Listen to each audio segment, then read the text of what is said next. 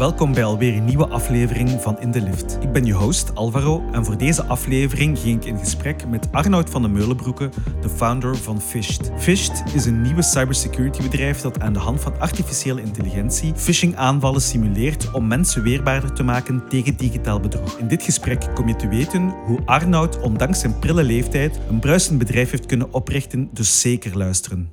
Hey, goedemorgen. Ik ben dus Arnoud van de Meulenbroeke. Uh, ik ben oprichter en wij zijn een cybersecurity bedrijf dat zich bezighoudt met ja, bewust maken van mensen tegen phishing-aanvallen en eigenlijk alle soorten online gevaren. Dag Arnoud, welkom bij In de Lift. We zitten hier in jullie supermooi kantoor in Leuven. Um, ik las ook dat je 25 jaar bent, als ik me niet vergis. Ja, dat klopt. Um, heb je hier ook gestudeerd? En zit je dan van hier of zit je blijven plakken gelijk veel mensen? Ja, inderdaad. Ik ben dus origineel van Aalst eigenlijk. Uh, en dan ben ik naar hier gekomen om te studeren, omdat mijn broer en mijn zus hier studeerden. Dus het was een beetje een logische keuze. En vandaar ben ik eigenlijk ja, hier blijven plakken, om het zo te zeggen. Tijdens mijn studies heb ik hier een studentenjob gedaan bij het bedrijf BringMe. En dan ben ik eigenlijk daar gaan werken. En tijdens dat bedrijf ben ik ook begonnen, dat ik daar werkte, sorry, ben ik ook begonnen met eigenlijk aan Fish te werken. En zo is het eigenlijk allemaal begonnen. Ah ja, oké, oké. En wat heb je dan gestudeerd hier? Uh... Informatica ook. Ah ja, dus een logische... Ja, ja, en vandaar ook ben ik bij BringMe gaan werken. Ook het, uh, zij zitten ook in dit gebouw trouwens. En um, dan was een van mijn eerste taken daar om een cyber awareness campagne op te zetten. Dan heb ik gekeken naar eigenlijk alle verschillende spelers op de markt, omdat ik dat moest doen toen. En het ding is, ja, wij als IT'ers zijn relatief lui. Wij willen heel veel automatiseren. Ja, ja. Um, en ik dacht van, dat kan eigenlijk ook beter. Dat heeft mij toen uren geduurd om een simpel mailtje te versturen. En ja, eigenlijk ben ik daarom met Fish begonnen. Omdat ik dacht van, waarom zou het uren moeten duren voor één mail als een systeem dat veel beter kan? En zo is dat begonnen allemaal. Oké. Dus je studeerde informatica. Hoe zit je daar dan in gerold? Of hoe zit je daar al van kind mee bezig? Of? Eigenlijk wel. Um, in het middelbaar um, was ik een heel fervente basketter eigenlijk eerst. En dan heb ik een blessure gehad aan mijn knie. En uh, ik mocht daardoor een jaar niet basketten. En dus moest ik mij met iets bezighouden dat toen geen sport was. En ik was toen een fervent RuneScape-speler eigenlijk. Ik weet niet of je dat kent toevallig. Ah, wel toevallig wel, ja. ja. ja. En ook daar had ik eigenlijk het idee van... Ja, dat is wel leuk, maar dan samen met een groepje vrienden van mij hebben we eigenlijk daar een eigen versie van gemaakt. Zo'n private Och. server. En dat was mijn eerste ervaring met IT echt. Maar. Ja. Dus je, je hebt dat spelletje dan allez, helemaal van, vanaf nul een variant erop gemaakt? Of? Er waren wel zo templates waar je kon van vertrekken, maar we hebben dan echt onze eigen versie daarvan gemaakt, van wat dat wij perfect vonden. Ja. En daar hebben, zijn superveel mensen op afgekomen en dat was een heel leuke ervaring. Maar. Enerzijds als business natuurlijk, maar anderzijds ook gewoon met vrienden een onderneming doen. Dus zo is dat eigenlijk allemaal begonnen. En hoe heet het spelletje? Ik ben daar niet zo trots op. Het noemde Cookies World. dus, Hoe? Cookies World. Ah, Cookies World. Ah ja, oké. Okay. En waarom Cookies World? Goh, onze gamernaam had toen altijd iets te maken met cookies, om een of andere reden. Oké. Okay. Um, ik kan daar niet echt een verklaring voor geven. en dan leek dat de perfecte naam. Oké. Okay. Dus... En dus er waren echt mensen van over heel de wereld die dan het spelletje spelen? Of Absoluut, ja. Allee. En dat was eigenlijk fantastisch. Op bepaalde momenten had je meer dan 10.000 mensen tegelijkertijd tot aan het spelen waren. Wow. En dan zag je die ook online. En ook eigenlijk voor ons was dat gewoon leuk om daarmee te ja, praten. En zo hebben we ook heel veel mensen leren kennen. We hebben nu nog, bijvoorbeeld, ik denk net voordat de coronacrisis uitbrak, was er ook nog een vriend van ons toen die in Amerika zat dan. Uh, is die ook naar ons gekomen en we hebben die leren kennen vanuit dat spelletje. Maar... Dus dat is heel leuk om die zo dan... Zalig. Ja. ja. En dan zeggen ze dat game asociaal is, maar nee, ja. klopt niet. Hè? Nee. En hoe oud werd je dan ongeveer? Um, ik denk dat dat 15 was ongeveer. Goh. Dus tien jaar geleden. Allee, jong. En, uh, en dus dat voordien kon je totaal niet programmeren. Je hebt dat op dat moment eigenlijk allemaal geleerd om... Inderdaad. Dus... Dat is ongelooflijk eigenlijk. En op, op wat voor uh, termijn heb je dan leren programmeren? Goh, dat is eigenlijk op de duurtijd van een jaar geweest of zo. Natuurlijk in het begin, je kijkt gewoon naar wat er al is. En dan ja, probeert je daar de logica in te snappen en dan vertrekt je van daaruit verder. Ja, ja, ja. En zo is het eigenlijk ook op zijn gemak gegaan. Dat was niet meteen iets zot doen of zo, maar dat waren zo kleine dingen aanpassen. En zo begint je dat te snappen. En dan van daaruit altijd verder vertrekken. Ja. En ja, dat is misschien een onnozele vra- vraag voor u, want waarschijnlijk is het antwoord nee. Maar is programmeren moeilijk? Goh, over het algemeen nee. Het is logisch redeneren en oplossingen proberen vinden op problemen dat zich, zich al stellen en zich kunnen stellen. Maar op zich is dat niet moeilijk. Natuurlijk, er zijn uiteraard heel complexe problemen, maar dat is net zoals bij alles zo. Ja. Ehm, dat je moet kunnen tackelen, maar op zich niet echt. Nee. Dan zit je informatica gaan studeren hier aan de KUL waarschijnlijk. Ehm, en ik had gelezen dat je bent gespecialiseerd in artificial intelligence. Ja, en zo is dat dan ook bij FIST begonnen eigenlijk. Ja. Van, ja, er was zo al een platform allee, waar dat je veel mee kon doen. Er waren verschillende platformen en bedrijven. Mhm. En ik dacht van, ja, waarom kan ik die twee niet combineren? Mhm. En dat hebben we op die manier ook zo gedaan. Ja. En nu hebben we eigenlijk dan een platform dat dan eigenlijk per persoon echt unieke phishing mails gaat versturen. Oké, ja, meer daarover later. Voor mensen die niet weten wat artificial intelligence is, eh, zou je misschien kunnen uitleggen wat dat is? Dat is een specifieke manier van ehm, programmeren op zich, waarin dat je een algoritme maakt. Dus een, ja, een Een, een set van instructies of zo. Ja, dat is inderdaad een set van instructies dat je geeft aan je computer eigenlijk. Maar die set van instructies die is ook dynamisch, omdat die van zichzelf altijd gaat leren. Dus in het geval, allez, stel dat je een zelflerend algoritme maakt eigenlijk rond van een kip te herkennen. Soms gaat die, dat algoritme denken van het is een hond. Of Ah, ja. die kan zo van die fouten maken dat mensen niet meteen zouden maken. Of waarschijnlijk wij ook in het begin. Ja. Maar het wordt altijd beter en beter naarmate dat je eigenlijk daar meer en meer data in kan geven. En dat is eigenlijk het belangrijkste bij AI, is dat je enorm veel data hebt om van te leren, dat te kunnen gaan testen en daarop te kunnen gaan bouwen. Ah ja, oké. Dus die krijgt dan heel veel voorbeelden en dan op termijn leert die patronen herkennen. Of, of- Inderdaad, en dan schat je dat gewoon in en dan heb je daar altijd zo ja, een kans op van... Ik schat dat het bij bijvoorbeeld een kat of een hond...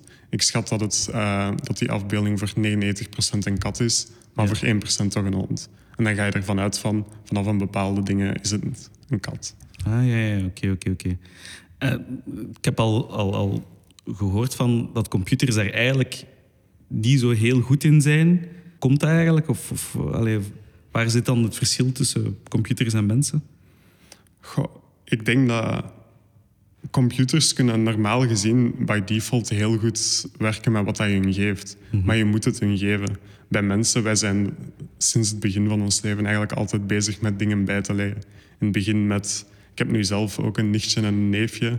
Ehm, ja, in het begin met echte basisdingen nog maar leren rondstappen. Maar je ziet dat wel elke keer zo vooruit gaan. Ja. En eigenlijk zijn computers niet zoveel anders, maar jij moet als mens daar eigenlijk input in geven. Het gaat niet vanzelf gebeuren, tenzij dat je zo zelflerende algoritmes schrijft. Maar dan nog moeten die geschreven worden door een mens. Natuurlijk, nu zijn er al uitbreidingen dat je zelflerende algoritmes hebt die zelflerende algoritmes schrijven. Ah, ja. Dus, maar dat is wel de heel geavanceerde methodes. ja, ja, ja. En eh, gaat je akkoord met eh, Elon Musk die zegt dat we heel hard moeten opletten met die technologie? Omdat dat is- Absoluut. Ja? ja. Hoezo? Ik denk dat dat... Ik kan dat nu vanuit mijn eigen standpunt bekijken van onze phishing mails. Ja. Soms is dat heel ehm, ja, verrassend toch wat dat die computer qua redeneringen kan, leggen, kan maken en ook van linken kan leggen. Misschien een praktisch voorbeeld dat je er iets bij kan voorstellen. Ja. Van ehm, een klant van ons is een ziekenhuis hier in België. Ja. En wij gaan proberen op basis van gewoon objectieve data dat wij kunnen verzamelen, dat iedereen kan verzamelen, eigenlijk een profiel te genereren van eh, mensen. Mhm. En wij hadden dat ook gedaan bij dat ziekenhuis, bij dus iedereen dat daar werkte, dat zij ons hebben doorgegeven. En eh, ons systeem had naar een bepaalde arts een phishing mail gestuurd rond zijn ontslag. En. Het, voor alle duidelijkheid, dat ziekenhuis had dat toegelaten dat wij dergelijke mails sturen. Ja, Dus ze kunnen dat aan en afzetten, uiteraard. Ons systeem had dat op een zondagavond gestuurd. Die arts zat net eh, met zijn familie in een etentje. Oh nee. En die heeft dat toen gekregen. Dus ja, dat etentje was natuurlijk compleet naar de vaantjes. Die arts Oh, was extreem kwaad. Logisch natuurlijk. Ehm, omdat hij dacht ook dat mensen hem gewoon specifiek aan het pesten waren. Maar het was het systeem dat gewoon eigenlijk op basis van data heeft aangevuld van kijk, die arts is, ja, die is niet goed met mails rond HR bijvoorbeeld. Ja. En daarop ingegaan van op een zondagavond, hij weet dat het dan waarschijnlijk het gevaarlijkste is voor hem. En hij is er eigenlijk ingelopen. Dus dat, dat, Wow. ja, inderdaad. Dat lijkt een heel drastisch verhaal en misschien ook zo ehm, van waarom doe je dat, waarom ga je zo ver? Ja. Maar ik kan u wel garanderen dat die arts nooit meer en zijn familie ook nooit meer in van dergelijke phishingmails zal lopen of van die ja, Ja. rare gevallen. Die gaat daar nooit meer in lopen. En alles is uiteindelijk uiteraard ook goed gekomen daarmee. Ehm, maar zo van die dingen kan je dan wel voorstellen van hoe extreem het ook kan worden. Dus hoe gaat dat dan in zijn werk? Dus die, die de software die jullie gebruiken, die kon een moment inschatten dat hij het meest kwetsbaar was voor, Ja. voor zo'n mails. Klopt, inderdaad. Dat is eigenlijk waar dan onze software zich dagelijks mee bezighoudt. Wij trainen honderdduizenden mensen, miljoenen mensen op eigenlijk die manier. Dus stel dat jij nu bij ons zou beginnen, je hebt mij daarnet verteld dat jij af en toe gamet, dan zou ons platform waarschijnlijk dat daaruit halen, gewoon vanuit je reactie op mails. Blijft jij hoveren over bepaalde dingen in je mail en dergelijke. En enkel, wij doen enkel, voor alle duidelijkheid, Ja. wat dan een hacker ook kan. Dus wij gaan niet uw mails uitlezen, zeker niet. Wij gaan u gewoon een mail sturen en wij gaan daar heel goed in trekken van wat dat jij daar exact mee doet. En dat kan iedereen doen dat je een mail stuurt. En dan gaan wij op basis daarvan gewoon links leggen met data dat wij al hebben. Van die andere honderdduizenden gebruikers natuurlijk geanonimiseerd, want anders zouden we wel een groot probleem hebben. En zo gaan wij linken leggen. En zo gaan wij uiteindelijk bij u uitkomen dat je waarschijnlijk een heel harde gamer bent. Bijvoorbeeld rond Fortnite en dergelijke. Ja.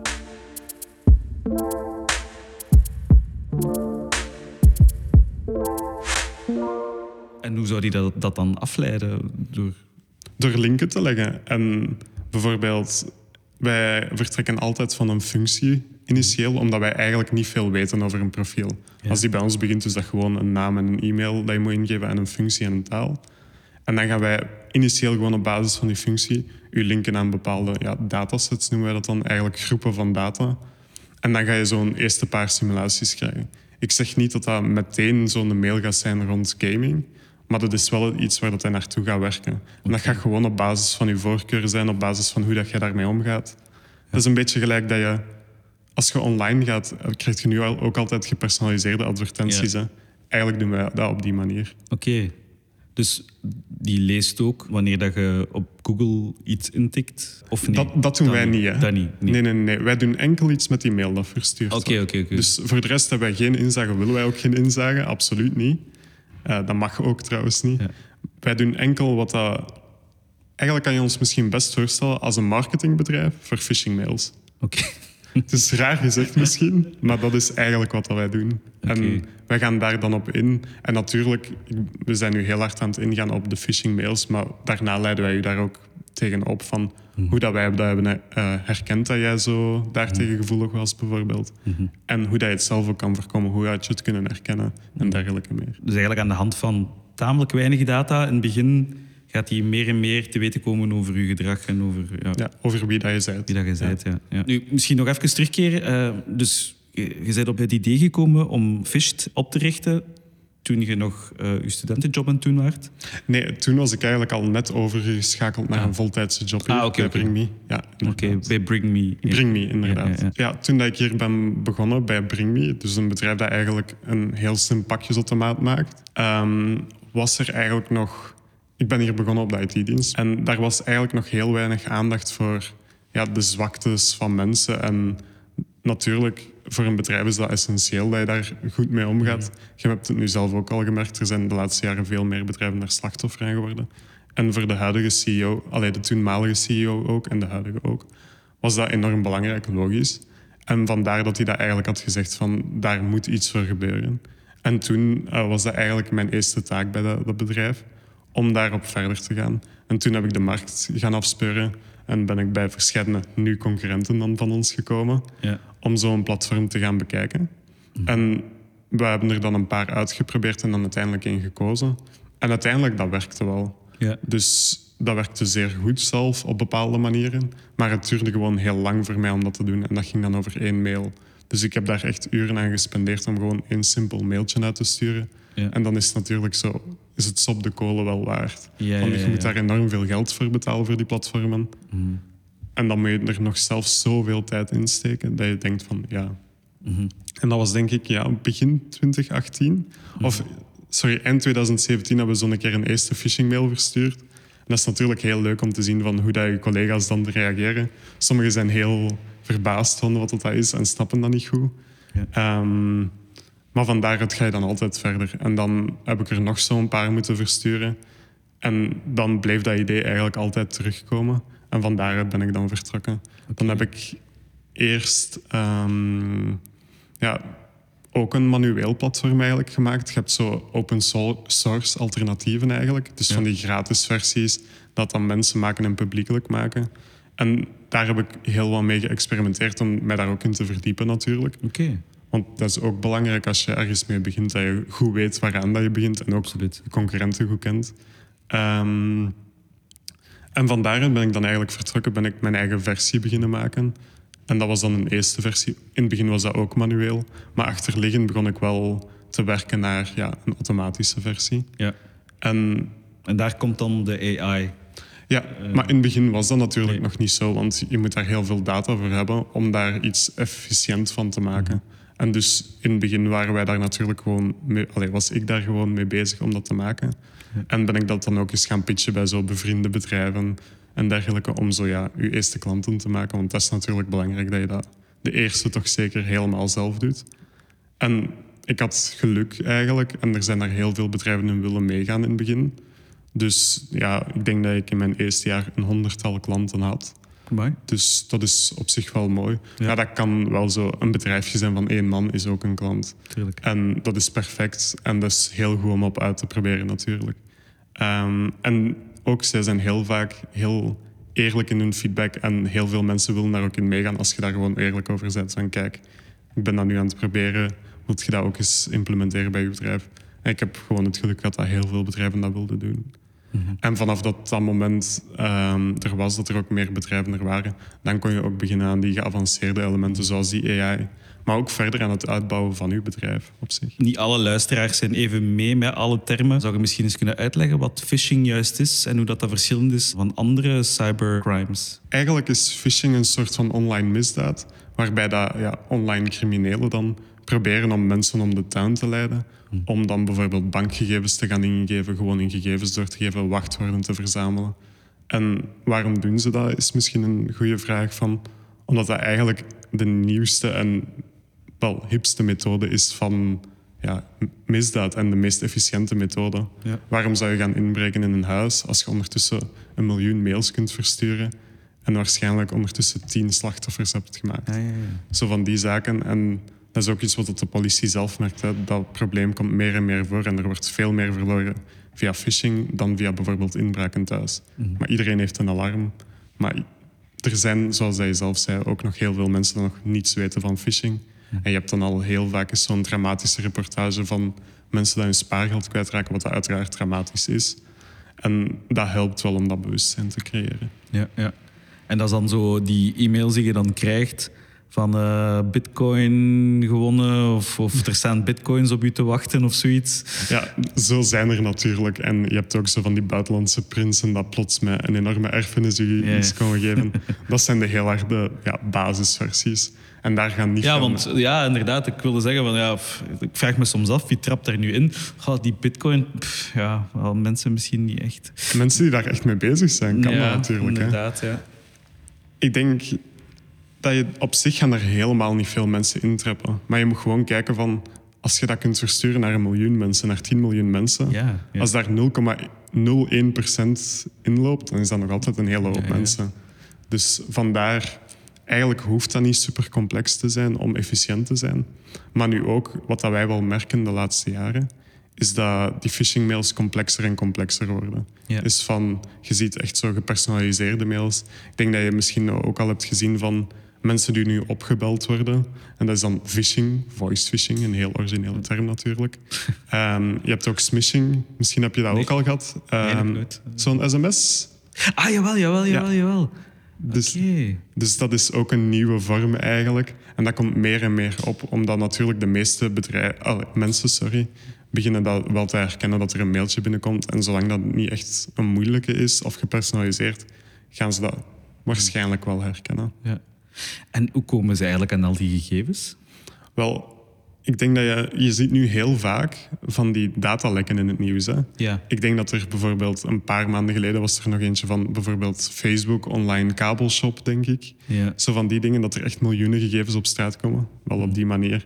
Op die momenten lijkt dat van, en voor veel mensen lijkt dat misschien van, ah ja, ze hebben mijn data, wat maakt dat uit? Ik heb niets te verbergen. Mhm. Maar die data kunnen ze dan wel gebruiken, slash misbruiken, Ja. om je dan te gaan targeten in de toekomst. Ik heb ooit al eens eh, in de gazette gelezen dat die ook soms verkocht wordt. Wel, eigenlijk als die data gestolen wordt, dan kun je dat best voorstellen als een hele lange lijst met waarschijnlijk voornamen, achternamen, e-mails en dergelijke meer, soms wachtwoorden. En dan verzamelen die criminelen die gewoon in één lange lijst en zetten die dat dan eigenlijk op een soort van zwarte markt, maar dan online, deep web, dark web en dergelijke, om dat te gaan verkopen. En dan vragen ze daar een paar honderd euro voor gewoon voor die lijst. En dan kunnen criminelen die misbruiken om dat te gaan te doen. Ja, mij. En hoe, hoe, is dat dan op de dark web of, of waar? Klopt, maar soms moet het helemaal niet zo dramatisch Nee, is zijn. het echt? Ja. Heel vaak zal het daar wel op gebeuren. Ja. Maar het kan evengoed gewoon zijn in van die chatgroepen met bepaalde mensen in. Dus je moet daar helemaal niets mensen met donkere hoodies bij voorstellen. dat, dat kunnen zowel jij en ik zijn die die data gaan aankopen om dat te gaan doen, bij wijze van spreken. Ah ja, oké. Ja, ik beelde mij altijd in dat, dat die dat zo data, ja, inderdaad, zo in de, de meest donkere hoekjes van het internet wordt verkocht. Waarschijnlijk kan dat ook zo zijn. Voor Dogecoins of zo. Nu, dat dat zo gezakt is, weet ik het niet. Of dat, dat een efficiënte methode is. Maar je kan dat misschien best voorstellen gelijk drugs verkopen. Ah, ja. Je hebt heel veel mensen dat dat in, ja, gaan verbergen en moet je naar zo'n shady huis gaan waarschijnlijk om dat te gaan aankopen. Ik weet het nu niet exact natuurlijk. Ja. Ehm, maar je hebt dat ook soms publiekelijk. Als je bijvoorbeeld in Antwerpen rondloopt, kun je het al eens gezien hebben. Dus zo van die dingen. Ja, Het kan heel geheim zijn, maar dat hoeft daarom dat hoeft zeker niet. Ja.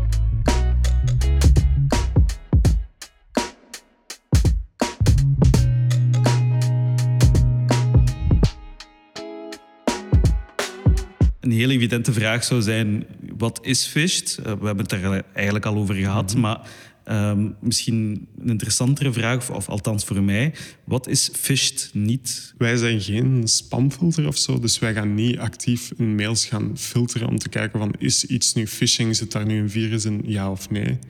Wij gaan eigenlijk niet echt heel hard inzetten op die puur technische zaken. We zijn ook geen antivirus bijvoorbeeld. Maar zoals je zelf zei, wij gaan echt inzetten op die mens. Wij gaan echt zien van waar dat heel veel bedrijven de technische risico's in kaart brengen, gaan wij het menselijk risico in kaart brengen. Dat is eigenlijk hoe dat je ons best kan vergelijken. En ook zien van wat dat wij wel of niet doen. Ja. En dus naast van die simulaties doen, geven jullie dan ook cursussen? Of? Inderdaad, wij geven dan eigenlijk een online cursus. Dus stel dat je in zo'n simulatie loopt, ga je waarschijnlijk op onze Fished Academy uitkomen. En die ga je dan uitleggen van wat is phishing, hoe had je het kunnen herkennen, hoe kan je het voorkomen natuurlijk en dergelijke meer. Dat kan dan in de vorm zijn van een video, een quizje, een infographic. Dus you get the point. Dus er zijn heel veel verschillende methodes. Wat dat wij ook doen is van heel veel mensen, zeker als ze weten van dat wij bezig zijn met een bedrijf op te leiden eigenlijk, van willen aan ons zeggen van kijk, kijk een keer, ik ben daar heel goed in, ik heb het systeem verslaan. En we geven hun ook die kans. Ze hebben dan een knop om te gaan eh, eigenlijk rapporteren van die phishing mails. Dus dan kunnen ze aan ons laten weten van kijk, ik heb hem herkend. En dan krijgen ze ook pluspunten, zo'n beetje gamification. Ja, ja. Uh, en dat vinden heel veel mensen heel leuk. En wat is daar nog het extra nut van? Ze gaan dat ook doen met mails die niet van ons komen. En dan krijgt de IT-dienst eigenlijk een waarschuwing. Dus er worden veel meer mails in kaart gebracht die potentieel gevaarlijk kunnen zijn. Ja. Want daar heb je nu heel vaak van... Stel dat jij nu een gevaarlijke mail krijgt, je gaat die misschien gewoon verwijderen omdat je hem Ja, ja. heel gemakkelijk herkend hebt. Maar het is misschien belangrijk dat je IT-dienst dat ook weet van... Want wie weet is die ook naar vijf collega's gestuurd. En dan kunnen zij centraal dan die mail er gaan uithalen bijvoorbeeld.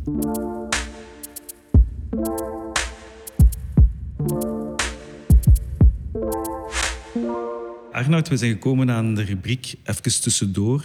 Even met drie F'en. De F van financiën, van falen en van familie. Over elke F stel ik een vraag. Ik ga beginnen met financiën. Je bent in het begin heel sterk begonnen op financieel vlak. Ik had gelezen dat je uh, onmiddellijk een investering had meegekregen van een miljoen euro. Ja, hoe voelde dat en, en, en kunt je meer vertellen over dat moment? Eigenlijk tijdens dat proces, als ik daar heel eerlijk over ben, voelde dat wel nog surreëel. Dat leek echt een gigantische hoeveelheid geld. Dat is ook een gigantische hoeveelheid geld. Zeker ook, ik was toen 23 jaar, dus een miljoen euro, dat is zeker niet niets. Ja. Ehm, ook, ja, je moest daar dan een gans plan mee gaan uitbouwen. Dus je stond daar echt zo in je beginschoenen. En er stond gelijk een hele berg voor je. En dat was heel impressionant. En dan naarmate dat dat vorderde, naarmate dat er ook mensen bij kwamen, want dat is natuurlijk ook een deel van mensen aanwerven, werd dat bedrag zo precies minder en minder. Omdat je natuurlijk ook van, ja, er gaat veel meer geld naar buiten, maar er komt er ook meer binnen. Dus ja, dat is een mooi evenwicht eigenlijk, om daar zo in te groeien. Maar dat was absoluut heel impressionant op dat moment. ja, dat is al wel. Zeker op je 23. Ja, hoe staat het er nu mee eigenlijk? Eigenlijk vorig jaar, dus op 1 september 2021, nee, 2020, sorry, hebben wij onze eerste echte werknemer aangeworven. Oké. Dus, um, en nu zijn wij met een vijftigtal. Oh, wow. Dus we zijn wel echt significant gegroeid mm -hmm. uh, over het laatste jaar. En we zijn dat ook van plan om te doen in de komende jaren. Ja. Um, misschien ook uh, een mooi kader is van... Vorig jaar waren we eigenlijk voornamelijk actief in België en in de UK. Um, ehm, dus in 2020 dan nog, bedoel ik. En dan in 2021 hebben we ook onze eerste stappen gezet om naar de US te gaan, om naar APEC te gaan, dus Azië. Dus we zijn daar nu ook dingen aan het oprichten en dergelijke. Dus we zijn wel heel snel aan het groeien. Ja. Oké, dus duidelijk uh, een gat in de markt. Yes. dus eigenlijk ja, kan ik daaruit concluderen dat jullie inderdaad niet veel concurrentie hebben eigenlijk. Uh... Op zich is er daar heel veel concurrentie in. Ja. Maar omdat wij echt vertrokken zijn vanuit een IT-first standpunt, wij willen echt werken voor die gebruiker eigenlijk, voor wie dan met ons platform werkt. Omdat, ja, ik weet heel goed van wat de IT'ers willen, omdat ik er letterlijk zelf in ben, eigenlijk in hart en nieren. Mm -hmm. En daardoor winnen wij heel veel van onze deals ook. Van het feit dat wij zo gaan automatiseren en personaliseren, mm -hmm. dat zorgt ervoor dat voor IT'ers er eigenlijk dat zij een tijd kunnen bezighouden, allee, een tijd kunnen gebruiken beter met echt de belangrijke dingen voor ons. Want heel veel IT'ers willen niet gewoon zo'n mail gaan uitsturen. En dat is iets wat dat ons uniek maakt tegenover, tegenover ja, onze concurrenten. Het is een veel efficiënter systeem dan de meeste. Ja, inderdaad. Ja, voor de luisteraar die nu misschien zelf van plan is om, om met een start-up te beginnen, heb je daar misschien tips voor? Ik zou eerst en vooral zeggen van doe het, maar wees ook wel heel kritisch voor jezelf. Er zijn heel veel momenten geweest dat ik, toen ik begon met Fisht, dus een paar jaar geleden, van dacht van moet ik dit wel doen? Van, gaat het wel lukken? En ik denk dat dat ook een heel goede vraag is om jezelf vaak te stellen van... Je moet enorm veel ambitie hebben, anders houd je het ook niet vol trouwens. Ja. Um, maar je moet ook niet naïef zijn van als iets niet lukt, dan moet je daar ook wel jezelf niet financieel mee gaan ruïneren om dat te gaan doen. Ja. Um, want dat is natuurlijk ook een belangrijke kant van mm. ja, een business runnen. Um, maar ik zou alleszins wel het eerste wat ik zou aanraden is doorzetten. Mm -hmm. Maar laat je ook goed omringen ik heb nu ook het geluk gehad van, zoals je daarnet zei, van die investeerder. Mm. Dat was eigenlijk mijn, of is mijn vorige baas van bij BringMe, die daar toen heeft in geïnvesteerd. Ja. En dat is voor mij ook een soort van mentor ja, ja, geworden. Ja, inderdaad. En die heeft een heel succesvol ja, zaken, ja, een zakencarrière uitgebouwd. Mhm. Um, en voor mij is dat natuurlijk fantastisch om daarvan te kunnen leren en dat mee te pakken. En zo ook Fisht heel snel te kunnen laten groeien van ja, fouten dat zij ooit gemaakt hebben, die moeten wij niet meer maken op die manier. Ja, exact. En dat is voor ons van onschatbare waarde. Toen dat ik ook bij BringMe werkte, heb ik ja, Fisht grotendeels eerst na mijn uren gedaan. En tijdens dat ik dus ook nog voor BringMe werkte, heb ik tijdens mijn uren samen met hem eigenlijk een project ontwikkeld, wat dat dan de BringMe Bell is. En dat is een ja, een slimme manier eigenlijk om toegang te verlenen dat dan helemaal geconnecteerd is met dat Bring Me-ecosysteem. Mhm. En dat was iets waar dan niet veel mensen in bedrijven geloofden, buiten wij twee.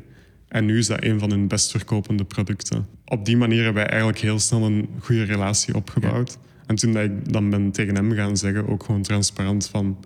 Ja, ik ga voor mijn eigen ingang, is hij eigenlijk meteen meegesprongen in dat verhaal. Oké. En dus wij hebben een heel directe relatie, maar ook wel een heel goede. Ja. En soms kunnen onze meetings heel hevig zijn. Maar Ah, dat is perfect en dat willen wij ook zo. Maar op het einde van de dag kunnen wij absoluut samen met twee door één deur. En gaan wij ook vaak gaan eten. Wij zijn echt vrienden geworden op dit moment. Oké, zalig. Dus jullie kunnen heel direct en, en elkaar bekritiseren, maar Absoluut. het blijft eh, professioneel. Absoluut. Ideaal. Ja. Ja. dat is van onschatbare waarde, denk ik. We spelen heel kort op de bal, maar we gaan nooit op de man spelen. En ook heel hard op Ja. de bal.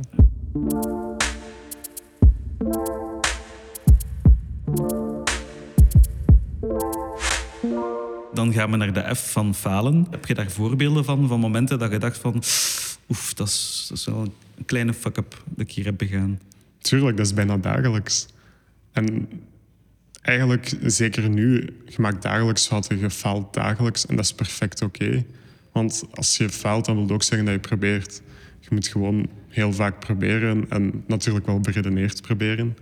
Eh, en dan is dat perfect oké om te falen. Dus heb ik daar voorbeelden van, zeer zeker, zowel in klantenrelaties, technisch vlak, ook gewoon businessvak. Je maakt heel vaak fouten.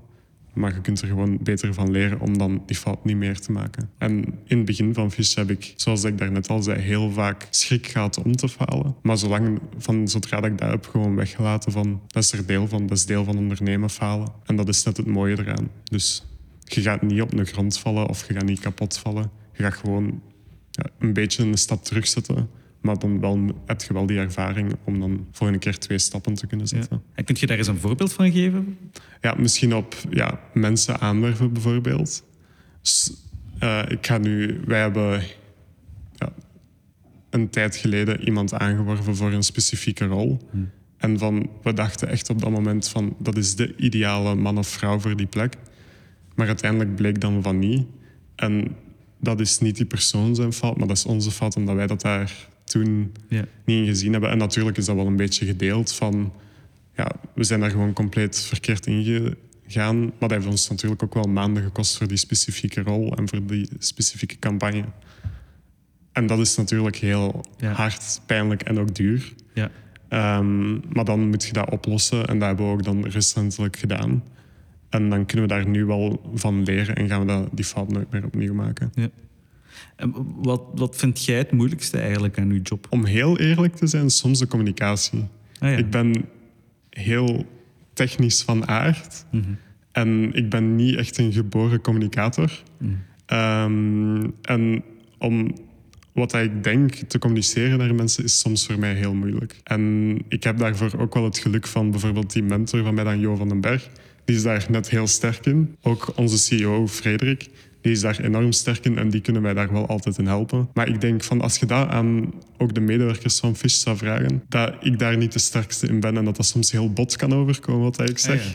Eh, terwijl ik dat absoluut niet zo bedoel. Oké. Ehm, en je moet daar natuurlijk mee leren leven. Maar ik, dat is denk ik mijn grootste werkpunt op dit moment. En je kunt hetzelfde zeggen, maar ook op een heel andere manier. Ik ben daar nu natuurlijk wel in aan het leren.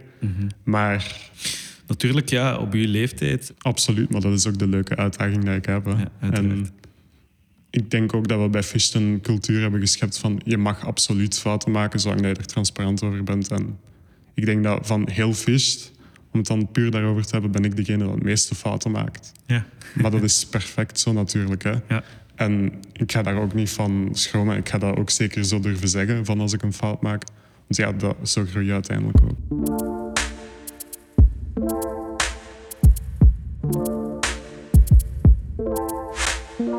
Dan de laatste F van familie. Is dat iets waar dat je mee bezig bent? Ik ben al vijf jaar ondertussen. Een maand geleden was het officieel vijf jaar samen met mijn vriendin. Dus natuurlijk is dat wel iets waar dat je allebei aan denkt. We zijn ook anderhalf jaar geleden met, eh, gaan samenwonen. En dus dat loopt heel goed allemaal natuurlijk. Allee, gelukkig. Ehm, dus dat is sowieso iets waar dat je aan denkt. Maar dat is ook wel iets waar dat je realistisch in moet zijn. Zij werkt ook heel hard in haar job en ze is daar ook heel veel mee bezig. En dat is ook iets waar dat wij eerlijk over zijn naar elkaar toe van... Ja, op dit moment is dat nog niet het ideale moment.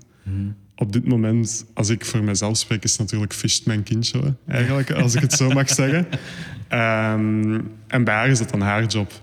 Ja. En daar zijn we ook gewoon zo eerlijk naar elkaar toe geweest van... Wij willen dat absoluut doen, Maar als wij daar dan voor gaan, willen we daar dan ook 100% voor gaan en niet zo erbij pakken. Want ja, een kind nemen of ehm, pak nu nog een hond, dat is een hele verantwoordelijkheid. Ja, ja, ja. En op dit moment we, zouden we dat waarschijnlijk wel kunnen, maar we, we willen dat nog niet kunnen. Zeker als we zo zien van, bijvoorbeeld mijn broer heeft nu twee kindjes gekregen, eh, een jaar en dergelijke geleden.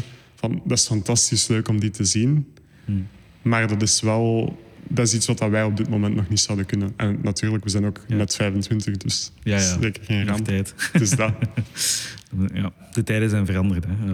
Absoluut. We hebben nog tijd, we hebben nog tijd. Nog heel veel, ja.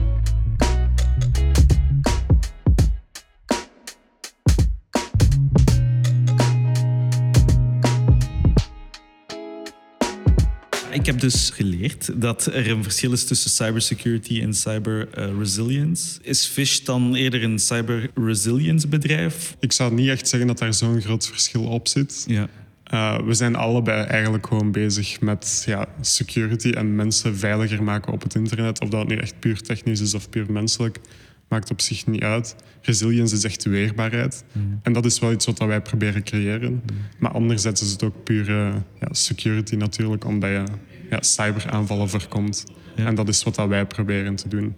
Dus als je het aan mij vraagt, zijn we eigenlijk eerder een cybersecurity bedrijf. We gaan ons ook altijd zo profileren. Maar natuurlijk kan je ook wel een casus maken voor dat een cyber resilience bedrijf zou zijn. Ja, ik wil er wat dieper ingaan op wat dat je er juist zei, dat jullie de oceaan willen oversteken. Dat zijn wilde plannen. Kunt je daar wat meer over vertellen? Dus ja, eigenlijk het product dat wij gebouwd hebben en het bedrijf dat wij gebouwd hebben, is iets wat daar heel goed werkt in heel veel verschillende landen.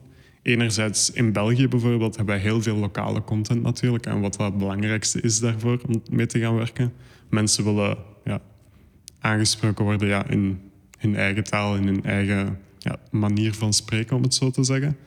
En dat is iets wat dat wij eigenlijk heel snel en heel schaalbaar kunnen maken. Ja. En van daaruit ook dat wij heel gemakkelijk zo een stap kunnen zetten naar bijvoorbeeld de US en naar eh, APAC. En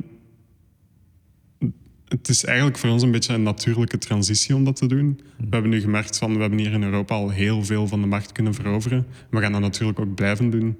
Maar het zou voor ons stom zijn als we zien dat er heel veel vraag komt van die landen, vooral dan eigenlijk uit Azië, maar dat er nog heel weinig van dat soort bedrijven actief zijn, Ja. om daar niet naartoe te gaan. Ook ja, businessmatig is dat gewoon heel interessant, omdat het gemiddelde bedrijf daar veel groter is. Ja. En dat is voor ons natuurlijk Ja, enorm natuurlijk. interessant. En dus dan werken jullie met vertalers of zo, lokale vertalers, om dat zo geloofwaardig mogelijk te maken? Of? Ja, wij werken eigenlijk gewoon met freelancers. Dus die mogen, wij geven hen dan gewoon instructies van kijk, eh, wij verwachten zo en zo mails van. En daar moet op zich niet zoiets speciaal in staan. Van, die mogen heel ja, origineel zijn, want hoe origineler dat zij zijn, hoe beter dat wij zijn Ja, ja. op zich. En dan gaat ons platform die gewoon automatisch gaan indexeren en herkennen. En op die manier pakken we dat dan zo mee. En dat is ook een heel schaalbaar proces, want freelancers om teksten te schrijven eigenlijk heb je overal, of dat nu in België is, Azië Ja, ja. of in de VS. Maar het is niet dat je al AI-software hebt die dat misschien zelf zou kunnen doen. Op dit moment nog niet, nee. nee. Dat zou heel mooi zijn natuurlijk, maar Ja. onze templates zijn wel heel dynamisch. Dus stel dat jij ehm, gemiddeld klikt na bijvoorbeeld vijf seconden, dan gaan wij onze knop waar dat je op moet knikken, klikken sorry, van boven zetten. Maar als je iemand bent dat eerder echt heel zijn e-mail uitleest, dan is het misschien beter om die van onder. Dus zo'n dingen, dat is allemaal dynamisch Ja, ja. natuurlijk. Maar echte content schrijven, ja, je kent ook van die automatische vertaaltools. Hè. Mhm. Dat is wel relatief goed, Maar dat is, ja, dat is niet 100 Nee, nee, nee. hè. Wij zouden dat ook herkennen als je ja, een Nederlandse tekst gewoon laat vertalen. hè. Wat is de toekomst van Fish eigenlijk buiten dit? Ik denk dat wij nog... Wij zijn nu... Staan wij eigenlijk nog altijd in onze beginschoenen. We zijn al enorm gegroeid het laatste jaar natuurlijk. Ehm, maar we gaan dat nog doen de komende jaren. We gaan ook uitbreiden naar andere soorten van phishing. ehm, om ook gewoon ons aanbod ja, breder te trekken. En wat dat wij eigenlijk nu altijd proberen, is van ook gewoon voor zijn op de criminelen. Wij willen Ja. zelf nieuwe methodes ontwikkelen, zodat ja, wij bedrijven daarop kunnen trainen nog voordat ze het eigenlijk effectief Ah ja, doen in de markt. En dat is op die manier wel Mhm. een heel grote uitdaging. En ook gewoon heel interessant voor ons als bedrijf. En ik denk dat dat de grootste uitdaging is. Natuurlijk in combinatie met onze groei naar de US en Ja. APAC. Dus wij hebben ook een heel uitgebreid development team om natuurlijk ons platform draaiend te Ja. houden. En ja, die zijn daar constant mee bezig eigenlijk om nieuwe dingen te ontwikkelen. Om zo nieuwe ja, technieken te ontwikkelen. Mhm. Om mensen om de tuin te leiden. Lijkt me wel eh, nog een coole job. We zoeken nog heel veel mensen. Dus als Wat, wat is eigenlijk de toekomst dan van cybercrime? Want zijn jullie al trends op het spoor? Of, of allez, toekomstige trends op het spoor? ja, je hebt heel veel dingen dat er zo al half zijn en toch nog zitten aan te komen. Denk dan zo aan bijvoorbeeld QR-codefraude. Als je nu bijvoorbeeld zo... Nu is het iets minder met de coronacrisis. Maar je had vroeger zo heel veel posters dat overal hingen. Ja. En daar stond dan heel wat data op. En nu heb je dat al vaak zo met een QR-code. En ja, het is eigenlijk heel gemakkelijk om gewoon een QR-code te maken. Die te laten redirecten naar een link van u om dan bijvoorbeeld iets te downloaden en die daar gewoon over te plakken. Dus zo van die dingen kun je perfect doen. Ook bijvoorbeeld alle spamfilters van deze wereld, die filteren QR-codes nog niet. Dus dat kan er heel gemakkelijk doorkomen. Maar eigenlijk is dat gewoon scannen en je gaat erdoor. Zo van die dingen. Je hebt ook zo van die deepfakes, heb je misschien al van gehoord. ja. Dat ja, eigenlijk zo... mm, Ja, een computer bepaalde mensen gaan namaken, gaan nabootsen. ja, en dat is super realistisch. Hè? Ja. Ja. Dus stel dat je dan plots van, ik zeg maar je moeder of je vader een bericht krijgt op die manier, Ja. je gaat dat rap geloven. Ja. Dus zo van die dingen, dat zit er nog allemaal aan te komen. En je mag ook nog niet vergeten van dat de cybersecurity-markt en ook gewoon het gevaar daarvan elk jaar echt met miljarden groeit. Mhm. Omdat er meer en meer bedrijven en mensen die ja, stap aan het zetten zijn naar de online wereld. Ja. Zet je pessimistisch ten opzichte van de toekomst op dat vlak? Goh, op zich niet. Ik denk dat de mensheid kan zich heel goed aanpassen. Mhm. Eh, je hebt het nu ook gezien met de coronacrisis. We zijn allemaal naar, online, eh, naar de online wereld gegaan. Er gaan natuurlijk heel veel gevaren komen, maar er gaan ook heel veel mensen zijn en bedrijven zoals wij om die gevaren dan te gaan counteren, Ja. om mensen daar te gaan voor waarschuwen. En dat gaat nodig zijn natuurlijk om dat succesvol te doen. Maar pessimistisch zou ik mezelf zeker niet noemen. Technologieën gelijk blockchain, denk je dat dat een mogelijk antwoord is om eh, fraude wat tegen te gaan? Of is het een beetje overroepen? Of hoe kijkt je daarnaar? Ik vind dat een fantastische technologie, zeker en vast. En ik vind dat daar zeker ook een enorme toekomst voor is. Maar om, wat dat heel veel mensen denken, is dat dat zo een, ja, een allesoplossend ding gaat zijn. Ja, ja. En dat is het niet. Je gaat dat niet voor alles kunnen gebruiken, maar voor heel veel gaat dat waarschijnlijk echt een heel goede oplossing zijn. Zo Web3 en dergelijke. Ja. Dat is fantastisch, maar we moeten ook realistisch blijven van... Ja, het, het is geen magische oplossing. Zit dat daar aan te komen, denk je, Web3? Of is het ook nog een beetje een hype? Zoals alles is het sowieso een beetje een hype. Maar ik denk ook wel dat de eerste dingen... Ja, ze zijn er uiteindelijk al, hè, sommige zaken. Dus dat gaat er natuurlijk blijven voortkomen. En ja, vandaar moeten we het ook gewoon oppakken. Ehm, ik denk niet dat dat plots de wereld gaat veroveren. Kan natuurlijk fout zijn. Maar het komt er sowieso wel aan, eigenlijk.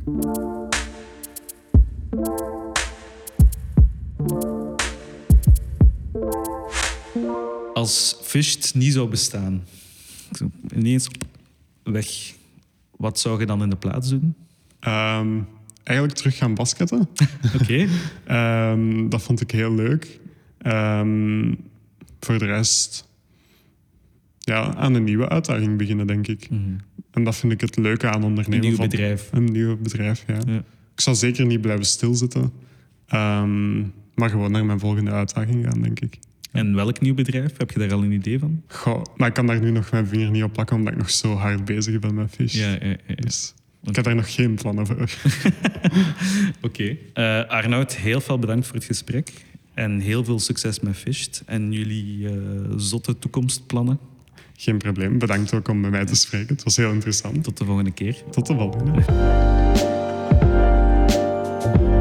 Dit was In de Lift. Bedankt om te luisteren en abonneer je nu om de volgende afleveringen niet te missen. Je mag ons ook altijd een volgje geven op Instagram of een mailtje sturen naar podcast underscore in de lift at smartmediaagency.be.